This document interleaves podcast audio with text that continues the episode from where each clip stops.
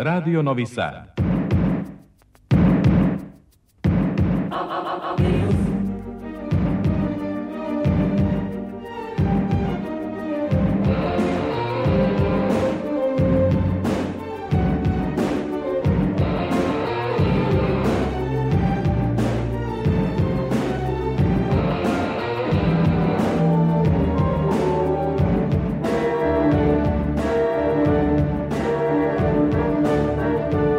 Spektar.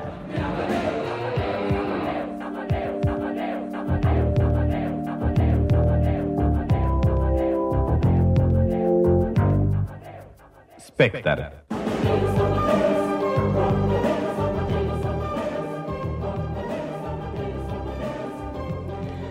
Dobro veče.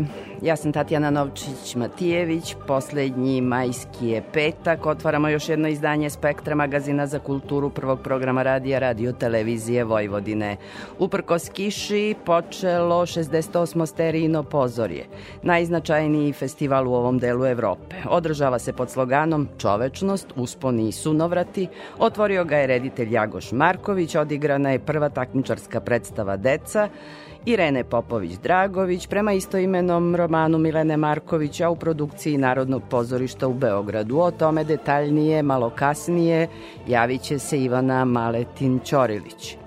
U Narodnom pozorištu u Subotici sinoć premijerno izveden komad Kabare Jugoslovenke. Uz festival poezije mladih koji traje u Vrbasu, u Spektru gostuje pesnikinja Snežana Nikolić i kada je već o poeziji reč, Čačak je dobio muzej poezije.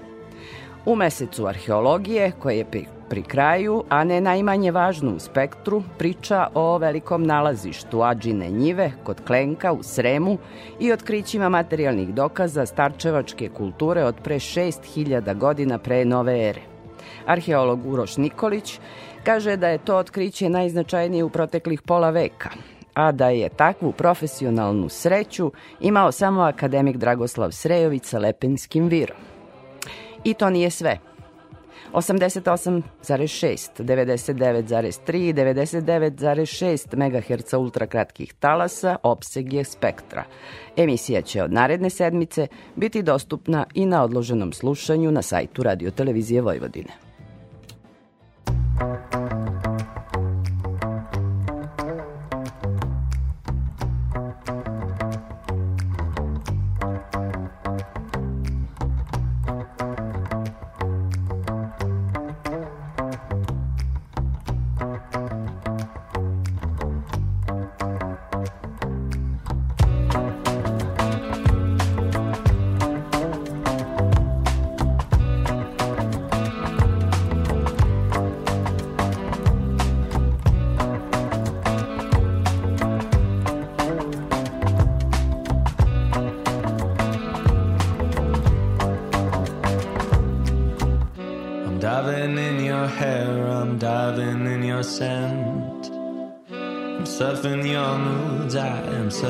Till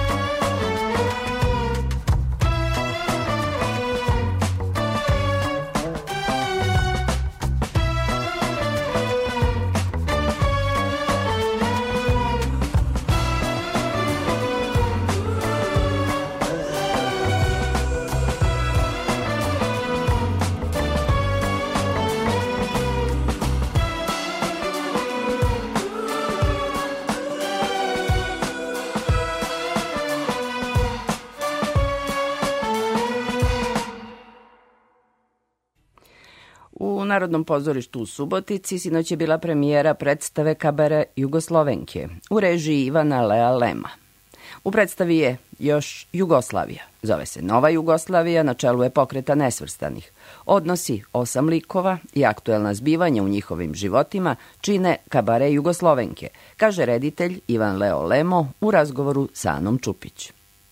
Pre svega, hvala na ovoj predstavi. Jugoslovenke, jedna priča za razmišljanje. A mene sad zanima o čemu ste vi razmišljali pre nego što ste počeli ovo da radite i kako je došlo do svega ovoga.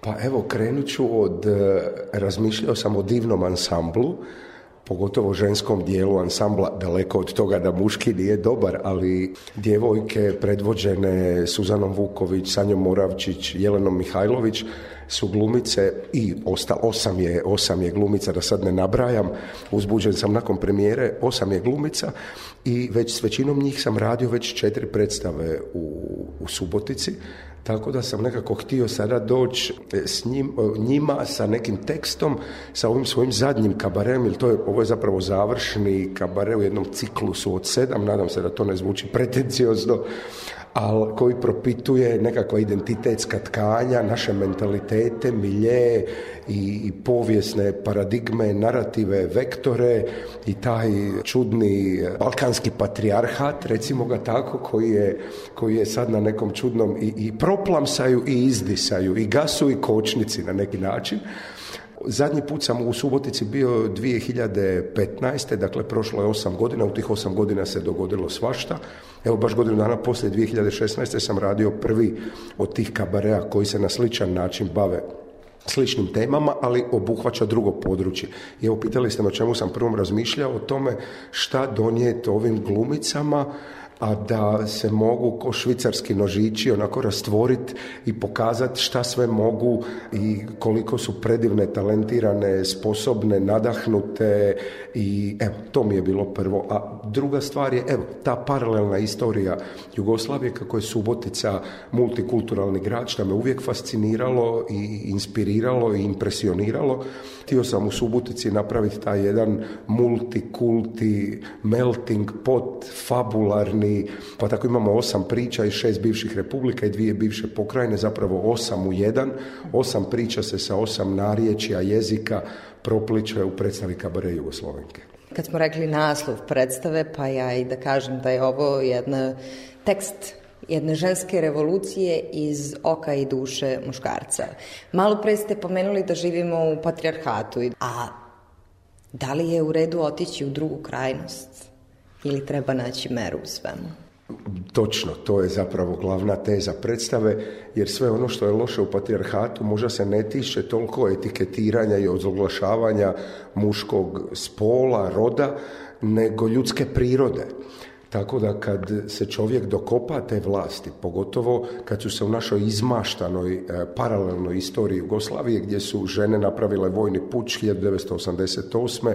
na posljednjem sletu u toj jednoj već umornoj i dekadentnoj komunističkoj vlasti iskoristile su prije nego što su krenule 90. iskoristile su tu malaksavost i preuzele su vlast Nažalost, prvi mehanizam koji ih je pokretao, ali opet i on je dio ljudske prirode, je bila osveta. A tu osvetu isto možemo razumjeti. U pitanju su teška i bizarna patrijarhalna stoljeća i nisu sad neke finese u pitanju, nije u pitanju, mislim, ništa što je nasilno nije finesa, ali pričamo o nekoliko stoljeća paljenja žena na lomačama, pričamo o, danas je jedna, jedna petina svijeta gdje ljudi uživaju prava, ravnopravnost spolova i to u četiri petine svijeta nije tako, pogotovo za one koji su fizički slabiji, ali u svim drugim potencijalima različiti, drugačiji, bolji, a fizička snaga je animalni princip. Mi nismo krdo, mi nismo ni krdo lavova, ni bizona, niti, su, niti velika riba ima pravo pojest malu ribu, jer jednostavno nismo životinje. Ali ima nešto u nama što se ne samo spoznaje u aspektu čovjekovog prirode, nego se hrani, brana, spa, hrani, brani, spava i razmnožava, što je onako animalno i mračno, jedna mračna strana nas, a ona se, ja mislim, ne tiče muškarca ili žene, nego ljudske prirode. U svakom slučaju osveta nije dobra. A evo u našoj fabularnoj mašti poluga za kojom su žene, zapravo ideali su postali ideologija i uvijek ljudi kada se kada mašu nekom ideologijom zapravo skriveno pričaju o sebi, o svom obiteljskom backgroundu, o svojim ljubavima, životima, željama, neostvarenostima i ostvarima. I koliko se god pravimo da pričamo o je, najčešće pričamo o ja. Tako i u ovoj priči, zato postoji osam priča, jer kroz taj ideološki, revolucionarni paravan zapravo probijaju njihove intimne, obiteljske motivacije. Tako da i žena koja je povela revoluciju, u njoj postala maršalka i preokrenula revoluciju na mračnu stranu kroz desetljeća koja su slijedila, je zapravo ispravljala, da se sad ovako jugoslovenski izrazim, krive drine svog obiteljskog nasljeđa, a ne nasljeđa cijelog čovječanstva. Kroz narativ koji su zapravo kabaretski fau efekti ove predstave dajete otvorenu kritiku društva koje je sahranilo Jugoslaviju, ako sam dobro to razumela. Da li to poistovećujete sa time što je žena današnjem društvu kriva, isto to kažete, podjednako kao i Jugoslavija? To je ušlo u fraze i frazeme našeg jezika. Uvijek kad čak i žene znaju reći za nekog, u nekom, kad komentiraju neki par, ma nije on jadan, nego ona. Ona je njega, neka nevjesta, neka zaova, neka jetrva, neka punica. To je skoro pa folklorni refleks. To je skoro pa folklorni refleks i nikad mi se nije sviđao. Od malena mi se niste sviđao, a imao sam sreću da sam odrastao u obitelji jako ravnopravnih roditelja, bez bilo kakve tradicionalne podjele na muške, ženske podjele, e, poslove, odluke. I onda mi je bilo lakše i bez da sam bio barem ne u mjeri u kojoj sam svjestan i koja je možda patološka, zadojen, kako ih mi nazivamo, predstavimo trima ono, lošim mehanizmima, a to su misuse, kao zlouporaba religije, tradicije, jer u ime, u ime tih mehanizama, zapravo u ime toga ljudi ugnjetavaju takozvane slabije. I da, često ženu optuže da je kriva samo zato što je žena, a to jednostavno nije, to jednostavno nije istina. To jednostavno nije istina, to je zakon jačega i super da je u trendu trenutno u svijetu, u ovom našem takozvanom zapadnom dijelu svijeta. A evo, pogledajmo žene Irana, također se dižu i neka osnovna prava da raspolažu svojim tijelom, odjećom, kosom, upravo vrlo hrabro, vrlo herojski pokušavaju izboriti. Tako da u Africi imate kastriranja žena, djevojčica, u jako puno država po selima tradicionalno. Tako da to su jezive stvari koje se događaju upravo sad u velikom dijelu svijeta. Tako da ova predstava kako ima par tih globalnih nekakvih e, razmišljanja o trenutku svijeta u kojem smo, pa i sam transhumanizam, gdje AI napreduje, gdje su ljudi otuđeni u društvenim mrežama, gdje je digitalno doba poravnalo, sve nas je dovelo u neki psihopatski kod gdje nema empatije Sve to je u naših par sati predstave udrobljeno u jedan blender za koji se nadam da će se svidjeti publici. Hvala vam što pričate o ovome i hvala vam što ste govorili za naš radio.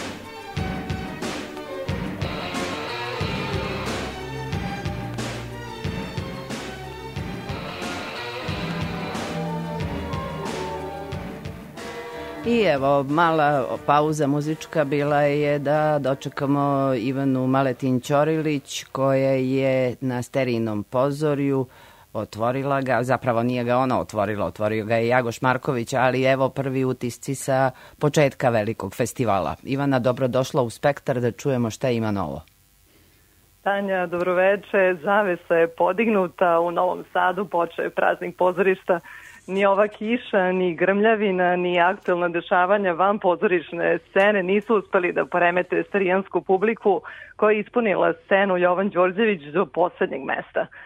Naime, na otvaranju reditelj Jagoš Marković je u svojoj besedi podsjetio na ulogu pozorišta u današnjim vremenima, da ono ne menja svet, nego menja čoveka i da se to dobro tek posle kapilarno širi. Marković je dodao da je najveća nagrada davati publici, a moć koja je dozvoljena u pozorištu jeste biti na sceni i služiti pozorištu. Ako se primite na onu drugu moć, kaže, postoji opasnost da vam se prekine veza sa darom i da počnete služiti sebi, a onda ste gotovi, zaključio je reditelj. Inače, čovečnost, usponi i sunovrat i slogan je 68. sterinog pozorja. Takmičarsku selekciju otvorilo je Narodno pozorište u Beogradu sa predstavom Deca. rediteljke Irene Popović-Dragović, koja je komponovala i muziku za ovu operu. Predstave nastala prema istoimenom romanu Milene Marković, nagrađenom Ninovom nagradom. Za Milenu kažu da je dramska spisateljica naglašenog pesničkog senzibiliteta kao i da je pesnikinja koja piše drame, te njen prvenac satkan od poetski ispisanih refleksija što smo mogli da vidimo i večeras. Naime, poema Roman Deca zapravo je njena lična, intimna ispovest o odrastanju kao žene, umetnice i majke. Irena Popović koja kaže da Mileninu poeziju peva dok čita mimo useljenih standarda, kroz ovu operu u 17 pesama demistifikuje Milenin svet. E, Glumci i operski pevači sa dečim horom u pratnji kamernog orkestra na sceni su oživeli Milenin snažan unutrašnji glas. I zaista ono što mogu da kažem da smo doživeli jedno jedinstveno hipnotišuće iskustvo koje je nagrađeno višeminutnim ovacijama. Čini mi se pravi odabir predstave za otvaranje sterinog pozorja. To je lepo čuti. E, Mi znamo da e, sterijanska publika voli ovaj festival. E, pretpostavljam, rekla si da je Jovan Đorđević bio prepun, to je više od hiljadu ljudi može da stane, što je takođe lepa vest, da ljudi vole pozorište, a naročito kad je tako fascinantna predstava na početku festivala, moglo bi se reći da obećava ove godine dobar program. Da, u konkurenciji za sterine nagrade ove godine osam predstava, tri u međunarodnoj selekciji krugovi, a tu su kao i svake godine pozore mladih i bogat prateći program. Tematski raspon predstava raznorodan je i stvaralački inventivan. Naveo je selektor Milivoje Mlađenović, naglasivši da je problem nasilja nad ženama i pitanje njihovih prava u društvu nažalost još goruća tema. I za kraj, Tanja, pretpostavljam da mnogi nisu uspeli ove godine da dođu do karata za željene naslove, a razlog za to je, kako sam čula od organizatora, to što se mnoge takmičarske predstave igraju na sceni sa publikom i to na manjim scenama. Tako da je 3000 karata manje pušteno u prodaju nego prethodne godine. Nadam Što je da šteta, naravno, da. Da, opšti utisak i da ćemo do 3. juna u Novom Sadu ipak uživati u ovim vrhunskim pozorišnim ostvarenjima. U to ne sumnjam, oni koji su imali sreće da dođu do karte, oni će uživati, oni koji nisu, više sreće sledećih godina. Zapravo, tendencija i jeste takva, te kamerne predstave i bliski kontakt glumaca sa publikom, a onda to naravno znači da ne može biti puno publike e, na predstavi. Ivana, hvala ti lepo. E, Još samo da, da dodamo da su okrugli stolovi, ali uobičajeni e, deo festivala, tako da oni koji budu želeli eventualno, ako nisu mogli večeras da gledaju predstavu, da prisustvuju izvođenju dece, mogli bi sutra na okruglom stolu da vide aktere i da čuju kako su oni to doživeli, tu nestvarnu poeziju Milene Marković.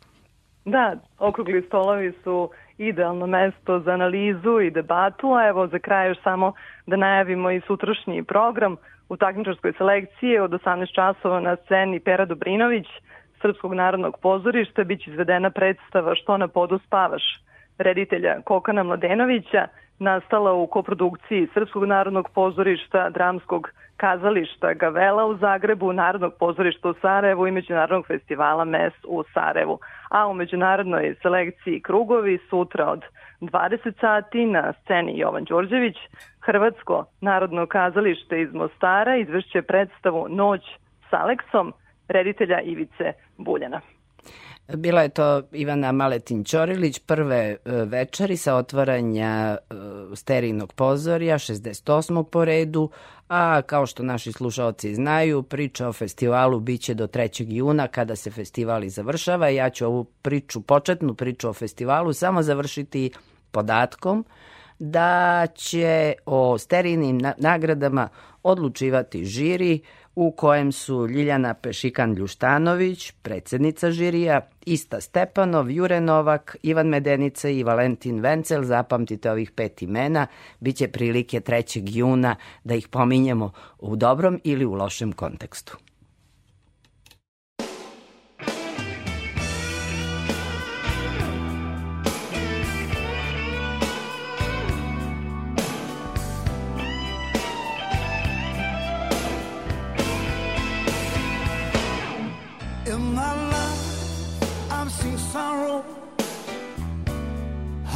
Pain. I've been burned by the sunshine, been drowned in the pouring rain.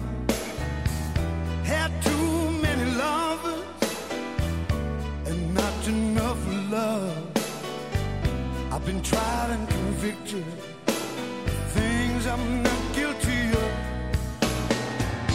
I was locked in a prison till you came and set me free.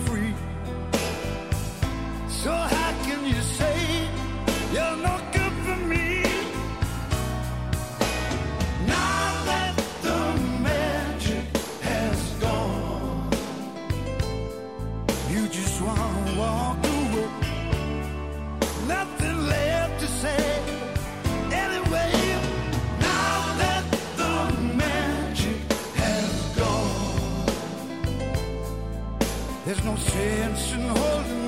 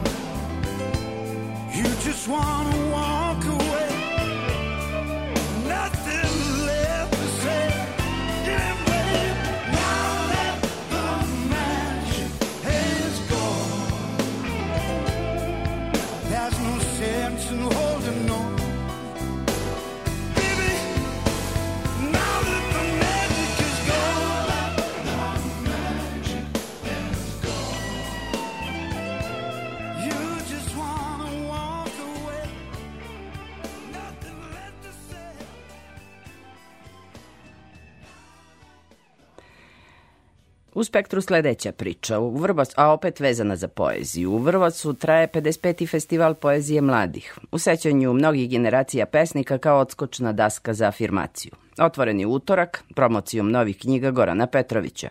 Sutra je finalno veče. Po izboru stručnog žirija, koju čine Pero Zubac kao predsednik, Snežana Nikolić i Goran Labudović Šarlo, predstavit će se deset najboljih mladih pesnika Srbije i regiona. Jana Andrić, Lazar Bukmirović, Dunja Vulić, Amar Ličina, Tanja Maletić, Kristina Mrkić, Tamara Pantović, Ema Čorbađić, Jelena Šarković, Faruk Šahat i Rade Šupić. Festival kao prvu nagradu dodeljuje štampanje pesničkog rukopisa, druga i treća su novčane i najmlađem finalisti nagradu Stanko Simićević. Pesnikinja i kritičarka Snežana Nikolić objavila je knjigu poezije o čemu šumovi prenose različite istine prošle godine u Agori. Ta knjiga dospela je u najuži izbor za nagrade Dušan Vasiljev i Miroslav Mika Antić. To je druga knjiga u desetogodišnjoj karijeri. Stiče se utisak da pažljivo odmerava stihove i reči.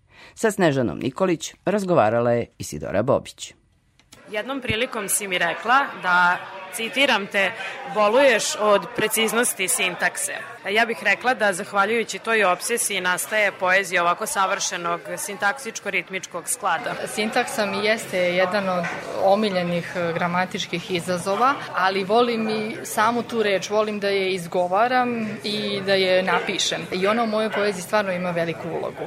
Od uvek sam voljela da se poigravam rečenicom i ako dobro pogledaš moje stihove, niz stihova čini zapravo jednu ogromnu rečenicu. Ja volim da se poigravam tim tokom rečenice i njenim prelomima. A sintaksičke jedinice e, ponekad doživljavamo kao neke mehanizme koje mogu da držim u rukama, da ih dodirujem i da ih podešavam kako god želim. Da li možemo da kažemo da je zapravo jezik glavni junak zbirke, o čemu šumovi prenose različite istine? Da, jezik jeste glavni aktor moje poezije. Mene zanima taj sudar jezika i sveta, odnosno do koje mere može jezik da isprati sve ono što se događa i meni i drugima. Nikad se ne igram jezikom radi same igre, već odgovaram na određene situacije, na probleme i postavljam probleme.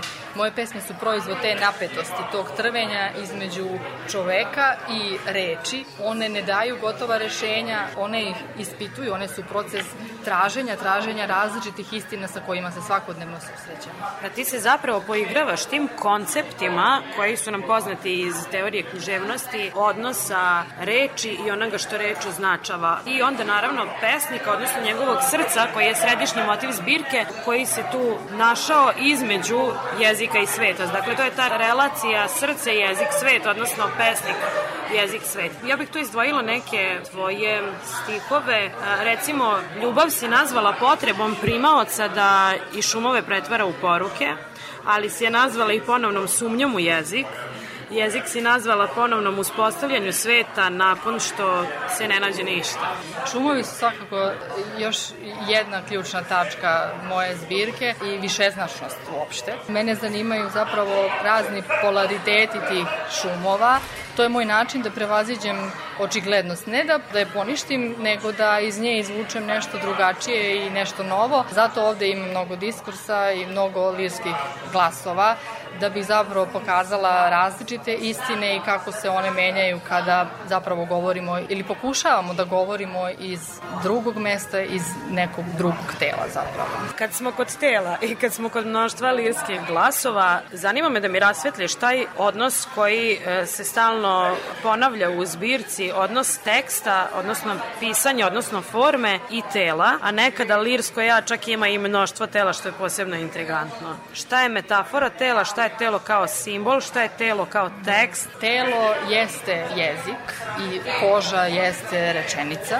Bilo mi je bitno da istražim različite forme i pisanja i govorenja. U trenucima kada nisam mogla da pišem iz raznih razloga, onda sam čitala na glas eh, Iudito Salvo izvodila sam zapravo njenu poeziju na načine na koje je ona to radila. Menjala sam mesta sa kojih sam čitala, menjala sam položaj tela i to mi je e, negde pomoglo zapravo i u pisanju da osetim različite forme. Takođe sam shvatila da recimo o pojedinim temama ne mogu da se izrazim posredstvom pesme, već tad upotrebljavam formu pesme o prozi, onako pišem od margine do margine i zapitala sam se zašto je to tako. I upravo i taj problem tematizujem u svojim pesmama.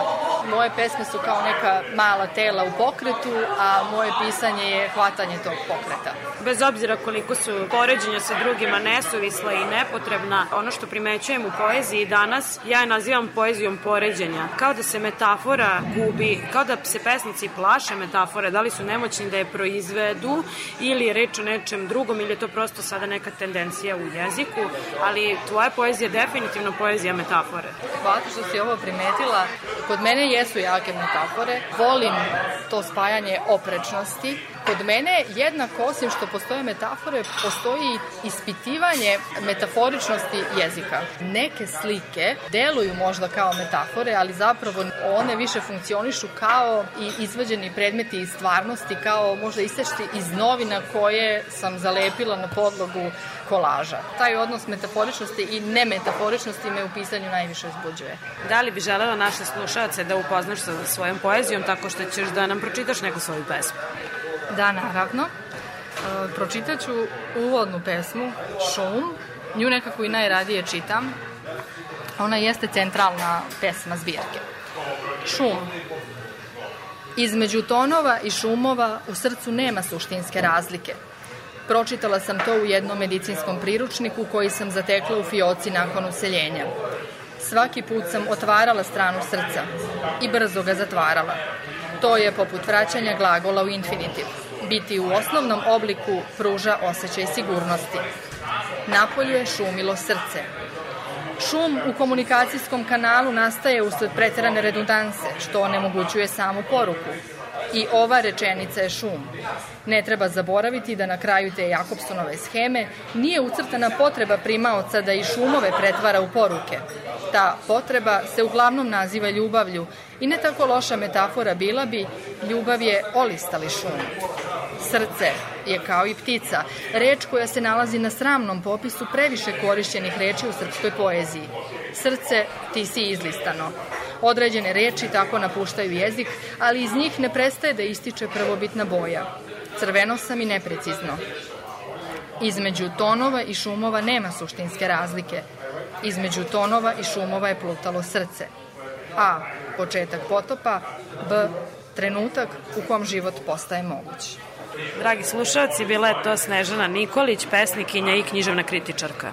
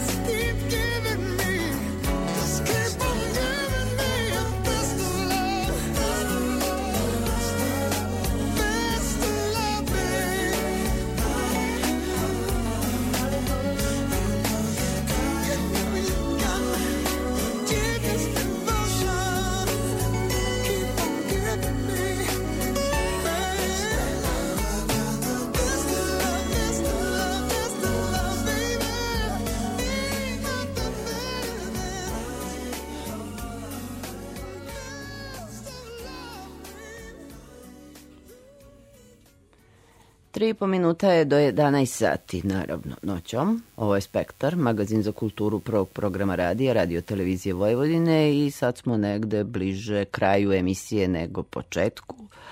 A sledeća priča nas vodi u Čačak. Tamo je u Čačku, nacionalnoj prestonici kulture, otvoren muzej poezije večeras na kraju jubilarnog 60. Disovog proleća. Muzej u okviru Gradske biblioteke. O muzeju, kao i ovogodišnjim laureatima nagrade Mladi Dis i nagrade za esej o Disovom stvaralaštvu, sa direktorom biblioteke, Bogdanom Trifunovićem, razgovarala je Ivana Maletin-Ćorilić.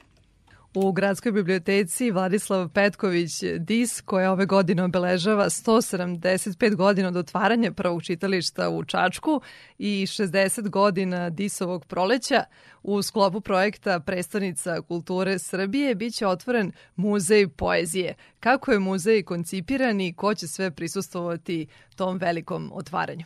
Tako je, kako ste rekli, u ovoj godini koja je izuzetno značajna za gradsku biblioteku Vladislav Petković Dis, e, za građane Čačka i sve ljubitelje poezije, u okviru 60. jubilarnog Disovog proleća otvaramo muzej poezije, jednu jedinstvenu bibliotečku celinu, ne samo u Srbiji, nego čitavom regionu, koja je posvećena novom načinu vrednovanja, ali i slavljenja poezije, kao i e, čuvanja i promocije kulturne baštine koja je vezana za pesništvo, i pesnički izraz, kako u nacionalnim okvirima, tako i u međunarodnim, jer muzej poezije koji se otvara u Čačku nije muzej koji je samo posvećen nacionalnoj poeziji, već ćemo pokušati da kroz njega na jedan adekvatan i primeren način prikažemo sve ono što je značajno u svetskom pesništvu, kako u prošlosti, tako i danas. U okviru muzeja poezije e, koji ćemo svečano otvoriti na samoj završnici 60. visokog proleća 26. maja, sada u petak, e, biće izloženi i čuvani različiti predmeti počeši naravno od knjiga, to su uglavnom stara, prva, redka izdanja koja smo prikupljali prethodnih decenija, ali pogotovo intenzivno zadnjih godinu dana kada smo e, krenuli organizovani rad na kreiranju te zbirke. Takođe tu će biti izloženi mnogobrojni rukopisi, pisma, lični predmeti, autografi, e, korespondencija e, autora koje smo uspeli da, da e, animiramo, da nam nešto iz svoje lične zaostaštine poklone, ako su živi, naravno pitanje autori, kao i od naslednika, to jest porodica preminulih autora na prvom mestu dobitnika Disove nagrade, pa će recimo od petka svi oni koji posete muzej poezije biti u prilici da tu vide i lične predmete, predmete koji su pripadali autorima a vezani su za njihovo stvaralaštvo kao što su nalifpera, olovke, mašine za kucanje. Tu će biti i odevnih predmeta jer neki su autori e, poželjeli da ono što je njima bilo važno u toku ili stvaralačkog procesa ili e, kroz e, njihov stvaralački hod kao, kao pesnika bude prikazano u okviru muzeja poezije, pa smo između ostalog dobijali i kape, dobijali smo i patike u kojima su neki autori stvarali, kako su sami rekli, zadnjih deseta godina e, objavili sve svoje zbirke poezije. To su neki detalji koji čini mi se biće interesantni onima koji možda nisu svakodnevni uživaoci ili da kažem oni koji se bave ili i uživaju poeziji na svakodnevnom nivou, jer muzej poezije je koncipiran tako da bude atraktivan kako već onima koji su godinama ili decenijama u svetu pesništva i poezije, tako i onima kojima novi model muzeja poezije pokušava da poeziju prikaže na jedan atraktivan, modern način. U sklopu toga smo mi uradili i namensku aplikaciju muzejpoezije.rs, već uh, je radna verzija te aplikacije dostupna svima i putem interneta, jer je muzej uh, zamišljen kao jedan interaktivan prostor multimedijalnog tipa gde ćemo pored ovih fizičkih predmeta koje sam naveo imati i značajan deo u digitalnom svetu, u virtualnom okruženju interneta, kako bi svi oni koji nisu mogućnosti da posete fizički prostor muzeja poezije mogli da steknu makar delimično uvid u ono što mi pokušavamo da uradimo kroz muzej poezije, kao i da se e, upoznaju sa biografijama značajnih pesnika, da pročitaju izabrane njihove pesme, da saznaju bibliografske podatke, a možda i da vide deo eksponata koje mi smo digitalizovali i u digitalnom obliku prikazali preko namenske aplikacije Muzeja poezije. Ili možete da izdvojite neka od imena autora koji će biti zastupljeni u stalnoj postavci muzeja? Naravno, e, nama je veliko zadovoljstvo da smo imali zaista e, izuzetan odziv velikog broja autora. Tu su naravno ne samo stvari koje smo dobili, to je predmeti koje smo dobili e, u zadnjih godinu dana za povodom otvaranja muzeja, već i ono što smo iz prethodnih decenija baštinili. Na prvom mestu su tu dela naših zavičenih autora Vladislava Petkovića Disa. Imali smo sreću da prethodnih godina e, uspemo da e, pribavimo i jednu, da kažem, autograf Disove pesme Lepota koji je sačuvan u spomenaru Mare Pandurović. Takođe je tu i e, porodična ikona porodice Petković koju smo dobili zahvaljujući stice okolnosti e, iz Loznice. E, takođe, da ne zaboravimo Branka Voradičevića, Danicu Marković, sva ona velika imena e, našeg zavičajnog pesništva, Branu Petrovića, Aleksandra Ristovića i druge. Pored toga, tu su recimo e, predmeti, odnosno deo zastaštine velikih imena e, iz starijeg perioda, Svetislava Stefanovića, Jovana Dučića, e, Ranka Simovića, evo iz novog perioda Novice Tadića, e, da ne zaboravimo naravno Rakića, Rastka Petrovića i tako dalje i tako dalje. Zaista to je jedna plejada, ja bih rekao, velikih imena srpske poezije, ali nije samo, da kažemo, nacionalna poezija u pitanju, tu će svi oni koji dođu moći da vide i rukopis Petera Handkija koji je preveo 2013. godine u Čačku Disovu pesmu Možda spava na nemački jezik i biblioteka u Čačku čuva taj originalni prevod e, Disovih stihova od strane Petera Handkija e, i mi se nadamo da je to samo jedan početak praktično onoga što želimo da uradimo. E, Drago nam je da kažem da smo u prilici da u petak ugostimo skoro 20 živih dobitnika Disove nagrade ili članova njihovih porodica koji će povodom otvaranja Muzeja poezije i završnice 60. Disovog proleća biti naši gosti u Čačku. Ovogodišnja nagrada Mladi dis pripala je Dunji Ožegović iz Beograda za rukopis Parenteza, dok je Sofija Todorović takođe iz Beograda ponela prvu nagradu za esej Zaboravljeni san, Disovsko u poetici Ivana V. Lalića. Na jubilarni konkurs je pristiglo više radova nego prethodnih godina, čime su se dobitnici izvojili. Pre svega konkursi za nagradu Mladi Dis, e, mi već dugi niz godina, punih četiri decenije, negujemo ovaj konkurs i e, sve nagrađene rukopise na ovom konkursu objavljujemo okviru edicije Tokovi koja pomaže autorima do uzrast e, starosti do 31 godine, što su bile godine kada je Dis objavio svoju prvu pesničku zbirku Utopljene duše, da nastupe na tom pesničkom nebu i da im na neki način damo zamajac, ali preko potrebnu podršku tim mladim autorima za objavljivanje prve pesničke zbirke. I pokazalo se zaista za ovih prethodnih 40 godina da je zaista uh, ova nagrada Mladi Dis sa uh, edicijom Tokovi pomogla mnogim autorima da se izdvoje na pesničkom uh, nebu i da na neki način dobiju svoj glas i svoje mesto u okviru uh, poezije, makar na srpskom jeziku. Vredno je napomenuti da su neka od imena koja su nagrađena nagradom Mladi Dis uh, nosioci mnogih drugih uh, nagrada, kako za pesništvo, tako i za druge vrste književnog stvaralaštva, a kuriozitet je da je recimo naš poznati pesnik Živorad Nedeljković dobitnik i nagrade Mladi Dis, kao i Disove nagrade nekih 25 godina kasnije, što pokazuje zaista koliko je žiri tih uh, 90 čini se prve godine bio u pravu kada je prepoznao u pesničkom prvencu Živorada Nedeljkovića budući potencijal.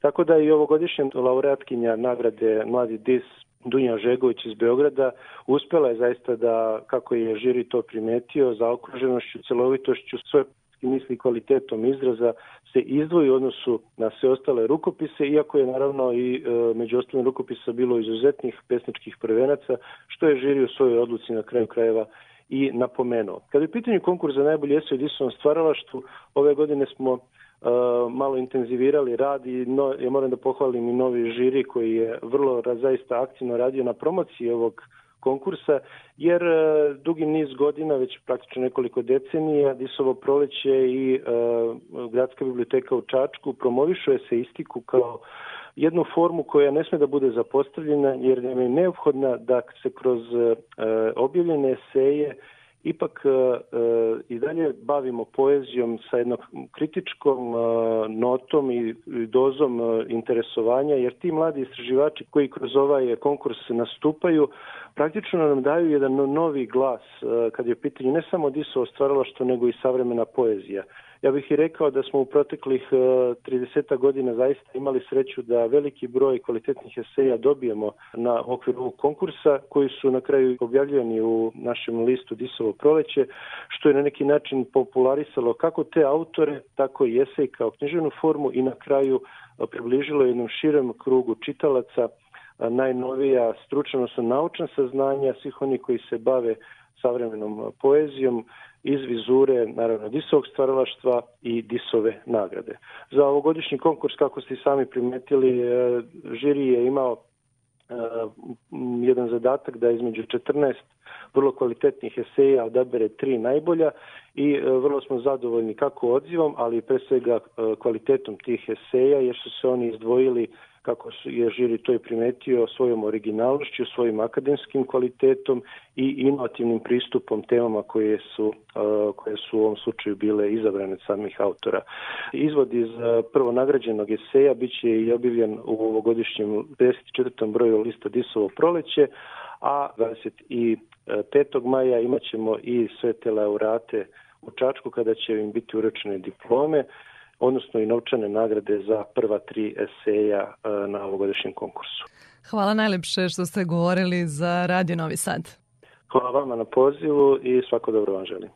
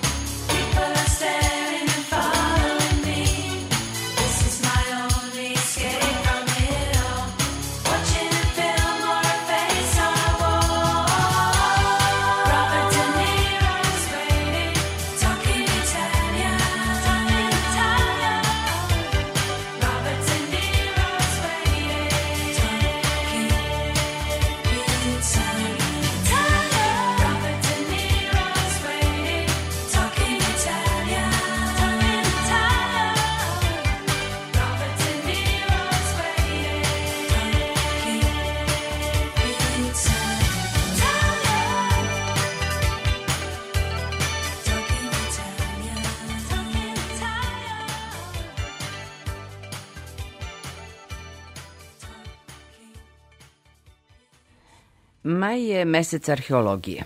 U prošlom spektru čuli ste Anđelku Puticu iz Gradskog muzeja u Somboru o nalazištu Magareći mlin i činjenicama koje su promenile do tadašnja znanja. Večeras je sagovornik Uroš Nikolić. On je direktor Zavičajnog muzeja u Rumi, a sledi priča o velikom otkriću, nalazištu Ađine njive kod Klenka u blizini budućeg autoputa Ruma-Šabac. Reč je o istraženih 5 hektara površine. Arheolozi su dobili više od 15 tona materijala. Otkriveni su materijalni dokazi od starčevačke kulture od pre 6,5 do 6.000 godina pre nove ere, pa narednih 8.000 godina.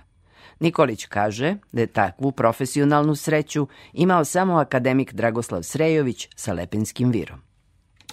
Pošto ste vi arheolog po struci, ja pretpostavljam da negde imate poseban odnos i prema tom nalazištu i prema svim onim predmetima. Koliko je stiglo u zavičajni muzej? Trenutno nije još ništa stiglo u zavičajni muzej Ruma, pošto je materijal i dalje, dalje na obradi. Ali e, izuzetno ponos imamo što je taj lokalitet e, odrađen i što je baš na našoj teritoriji. Ja sam jedan od učesnika na samom istraživanju. Još od početka, da kažemo, istraživanja 2019. godine kad, kad smo dobili trasu puta i kad smo koleginica Biljana Lučić iz Zavoda za zaštitu spomenika Sremska Mitrovica ja izašli na teren i imali smo neki podatak da je taj lokalitet 100 puta 100 metara blago uzvišenje, jedno na, u, u, u njivama Atara sela Klenka, ali e, samim odlaskom na teren, e, to je bio neki kraj avgusta, početak septembra, još, još letina nije veći deo ni skinut, ali mi smo otišli od, od to naše neko rakoglasiranje, tako se zove obilazak terena arheološkog i utvrdili smo da je dosta, dosta, dosta veća površina samog lokaliteta. Možemo reći da je to neko i srećno zaustavljanje na tih neki kilometar i 200 samog lokaliteta koji se širi od stare obale Save, što je od današnje neke trase puta nekih stotinak metara prema, prema istoku, pa sve do šume gde nismo zalazili, a verovatno se lokalitet nalazi pod današnjom šumom. Tako da je to jedan ogroman višeslojni lokalitet i tokom 2021. godine, dve kampanje 2021. godine i jedna kampanja 2022. godine, mi smo vršili uh, arheološka istraživanja. Prvo smo 2021. godine u martu uh, radili pre samih istraživanja geomagnetna i georadarska istraživanja da bi mogli da se upoznamo sa onim šta je otprilike ispod zemlje. Samim tim smo i odradili par nekih probnih sondi kako bi potvrdili dobijene rezultate, vidjeli da li postoji kulturnog sloja van tih anomalija na koje smo, na koje smo naišli i onda velika kampanja kreće od 1. septembra 2021. godine i završavamo negde sa radovima u julu 2022. godine. Tom prilikom iskopavamo skoro 5 hektara površine, što je u poslednjih 50 godina možda i najveće arheološko istraživanje u, u jednom, da kažemo, komadu. Zbog veličine, veličine samog lokaliteta mi, da bi mi lakše mogli da radimo, delimo to na tri sektora i polako završavamo jedan sektor po jedan. Poslednji sektor ili treći sektor je sa, da kažemo, najzanimljivijom tom nekom kulturnom stratigrafijom i tu se najduže zadržavamo. Kako mi u šali kažemo, pronašli smo preko 15 tona materijala. Mahom je to, da kažemo, keramički materijal, pošto starije civilizacije su koristile, kako mi danas koristimo najviše plastiku, tako su oni od keramike najviše pravili svoje posuđe, za pripremu hrane, cigle za pečenje, mislim, sve, sve to pravljeno, pravljeno od, od keramike. Dosta ima osteolo, osteološkog materijala, naravno i metala, i, i roga, i školjki. Ako sam dobro razumela iz informacija koje su stizale u javnost, klasifikovali ste, odnosno identifikovali više tih slojeva kulture, uslovno govoreći, ali Kultura, kulture, da. a zapravo da, sve negde pa do Vinčanske. Imamo čak i starije starčevačko. I sta- i. Da. Imamo e, na samom lokalitetu i horizontalnu i vertikalnu stratigrafiju. Da malo objasnimo slušalcima, horizontalna stratigrafija je nešto kada se lokalitet e, deli u određenim delovima na zone okupacije u određenom periodu. Znači, ako imamo na delu vinčarsku kulturu, a na drugom delu imamo keltsku kulturu, to je delimično horizontalna stratigrafija, a vertikalna je stratigrafija kada se slojevi nadovezuju kao na torti, kad slažemo jedan na drugi i gde možemo prepoznamo kulture na, na osnovu toga. I to je otprilike ono što mi, kada govorimo o arheološkom nalazištu, iskopavanjima, mi, laici, računamo da jeste zapravo ta vertikalna jeli, klasifikacija. E, Ima, ima, da kažemo, na, većina nalazišta ima strategiju stratigrafiju, to, jest ne, ne može, mislim, eto, dosta ima vertikalna stratigrafija, ali mahom je horizontalna stratigrafija, dosta zastupljenija. Ali što se tiče e, starosti samog lokaliteta, ono datira još u starčevačku kulturu, znači rani neolit, nekih 6, 6,5 hiljada godina pre nove ere, pa da kažemo, onda imamo iz vinčarske kulture, četiri eneolitske ili ti bakarno dobre kul- kulture, e, imamo bronzano dobne kulture, okupaciju na tom lokalitetu, starijeg vozano doba, dosta nalaza i selo i neki proizvodni centar iz latinske kulture, to je perioda okupacije Kelta, ovo, ovo našem delu iz Kordiska, nakon toga veliki ekonomski kompleks iz rimskog perioda za preradu žita, tu su, to se u svemu zovu suvač, u Vojvodini suvače te za, za preradu samo na, na konjski pogon i ode za odvajanje, odvajanje e, zrna od, od klasja, e, silos, jednu eko, ekonomsku zgradu veličine u prečniku od 30 metara, to su stvarno ogromni, ogromni objekti, pogotovo u arheološkom zapisu i imamo srednjovekovno selo jedno i završavamo sa nekim turskim sahranama koje smo pronašli. Znači imamo skoro 8000 godina kulturne te stratigrafije na samom lokalitetu. Može li se smatrati da su završena istraživanja na tom lokalitetu? na lokalitetu kojem prolazi autoput, tom delu trase, naravno da, pošto to su zaštitna istraživanja gde mi pokušavamo u tom nekom kratkom vremenskom roku koje smo dobili od investitora da završimo ta naša istraživanja, gde mi dokumentujemo svaki objekat, a pokretni materijal prikupljamo i klasifikujemo i onda završavamo u muzeju i nadamo se na stalnoj postavci i tematskim izložbama koje će slediti. Ali ostatak lokaliteta je dalje otvoren za, za rad, za interpretaciju, za istraživanja i mi se nadamo da ćemo uz pomoć na, viših institucija imati njihovu podršku i pomoć, da ćemo moći da odradimo na ostatku lokaliteta neka, neka istraživanja koje će nama do- doneti još, još rezultata. Ono što bi voleo da istaknem oko samog lokaliteta, da pomenuli ste vičansku kulturu, ona jeste jedna od najznačajnijih kultura neolita uopšte u, u, svetu, zato što je na kraju vičanske kulture i počela da se radi metalurgija prva, rećemo u Evropi, a verovatno i u svetu. Datumi to potvrđuju, dakle 4500. 4600. godina pre, pre nove ere i mi iz tog perioda baš i pronalazimo naselje nekih stotinak e, vinčarskih kuća opasani rovom. Ono što je dugo godina u nauci bilo opšte prihvaćeno da je vinčarska kultura bila kultura mira ali ova naša istraživanja pokazuju da odbrambeni rov postoji da je on nekih 7-8 metara u, u širini i 4, do 4,5 metra u, u dubini i unutra mi prolazimo, pronalazimo ostatke ljudskih, ljudskih lobanja, tako da verovatno je postojalo tu konflikta, postoji preko 600 vinčanskih lokaliteta u Srbiji, ali ono što ne postoji to su vinčanske nekropole.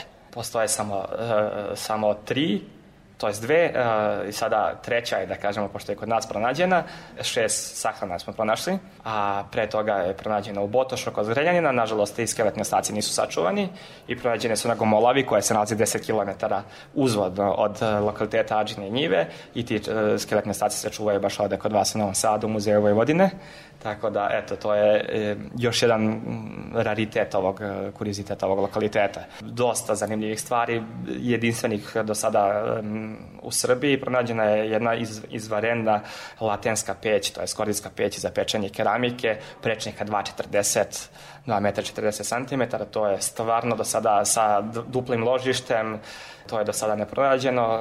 Poznata nam je naravno sa, is- isto sa Gomolave da je tu bio proizvodni centar, ali su peći bili dosta manje, neki prečnik od metar do metar i 20, tako da... Što će reći da ovaj lokalitet je negde u, u poređenju sa ovim iz Gomolave ipak bio veći, neki važniji centar u, u životu ili je to sad ovako baš laičko pogrešno tumačenje? Rano je, rano je naravno da, da dajemo take, da, da, take, da, da kažemo zaključke, ali ja se ne bi složio, pošto Gomolava je, taj centralni deo Gomolava je dosta veći. Ovde imamo, mi možemo da smatramo uopšte da je Sava cijela lokalitet, cijela obala Save da je lokalitet. Mi na svaki 5 km imamo poveći lokalitet. Kad krenemo, na primjer, od Dađenih njiva, Starčevo brdo je na 5 km, pa onda ide na 10 km je Gomolava, koja je, da, u ovom trenutku ćemo reći, sedište tih neolitskih civilizacija u, u Sremu, nakon toga Alug je u Jarku, pa Glac u, Mitrovici, pa Ka- Kalvarija, i sve na 5 km. Da li je to bio njima dovoljan real za naseljavanje i za ekonomski taj njihov razvoj stočarstva i, i poljoprivrede, tako da to neka, neka pretpostavka nam je da na svaki 5 km imamo taj po jedan veći e, loka, lokalitet, više su neolitski, gde su kasnije, kasnije civilizacije isto prepoznavale to kao izuzetno pogodno mesto za život, pa zato imamo sve do, sve do nekih 17. veka, dakle na novčići koji su pronađeni u sahran, sahranama iz turskog perioda govore. Kada već govorimo o tom bogatstvu arheoloških lokaliteta uz Savu, jasno je da je potrebno novca. Taj jedan niz je idealan za turističku turu, ukoliko su lokaliteti konzervirani, ukoliko im je moguće prići, dobro obeleženi, ali informativni, da li se razmišlja u tom pravcu? Turistička kulturna valorizacija je izuzetno, da kažemo, bitna i mi razmišljamo u tom pravcu prvenstveno, sad, da, za sada dosta boljim is- lokalitetom istraženim to je Gomolava, ali već kad imamo infrastrukturu dovedenu do samog lokaliteta Ađine njive, što da ne i sa Ađine njivama. Moramo samo da, da napravimo jednu para, paralelu. Gomolava i Ađine njive su isti tipovi lokaliteta. Samo da kažemo, na Gomolavi je početak istraživanja bio 1904. pa je završen tek 1985. Od toga intenzivno od 1965. do 85. To je bio jedan najboljih istraženih praistorijskih lokaliteta u, u staroj Jugoslaviji. Tako da dosta više podataka imamo o tome za sada. Ali o, i ovde i ovde imamo podatke, tako da možemo da razmišljamo o tome. Mi tokom naših samih istraživanja smo odradili, odradili te neke metodološke pristupe kao što su fotogrametrija, ortofoto, gde smo mogli da dobijemo 3D, 3D modele izgubljenih sada objekata, ali koje možemo da rekonstruišemo na, na, osnov, na osnovu tih podataka. Turistička valorizacija je u planu, pogotovo što imamo i Sremsku Mitrovicu, to je Sirmijum, kao jedno vreme je glavni grad Rimskog carstva, koji već ima dobru turističku ponudu, tako da mi možemo da ponudimo neku preistorijsku priču, dok bi oni po- ponudili tu antičku priču. Osjećate li se dobro vi u Zavičajnom muzeju u Rumi s obzirom na bogatstvo tih arheoloških nalazišta i svega onoga što ste pohranili kao i pokretnu tu arheološku zaostavštinu? Kako da ne, naravno, ponovit ću se sa početka da nam je izuzetno drago što je na našoj teritoriji istražen tako, tako veliki i značajan lokalitet i da smo od početka bili uključeni u sama istraživanja i što će sam materijal doći kod nas koji će ob- obogatiti i našu zbirku i dati nam mogućnost za rad na mnogo, mnogobrojnim tematskim izložbama od praistorije pa sve do srednjeg veka, tako da smo izuzetno ponosni i nadamo se da će taj nalaz sa tog lokaliteta doprineti da po, povećamo malo i kadar da zaposlimo još mladih arheologa da, kako bi što bolje i što uspesnije obradili sam lokalitet. E pa ja vam želim puno uspeha, želim vam puno mladih ljudi i da jednog dana Ruma može da kaže da mi imamo izuzetno kvalitetnu ponudu, vodimo vas sada kroz istoriju na odličnim lokalitetima sa odličnim pričama. Nove tehnologije daju mogućnosti, ali rekonstrukcija i domaštavanja svega onoga što je vidljivo kao ostaci kultura. To nam jeste cilj. Hvala vam. Radio Novi Sad, Sad, Sad.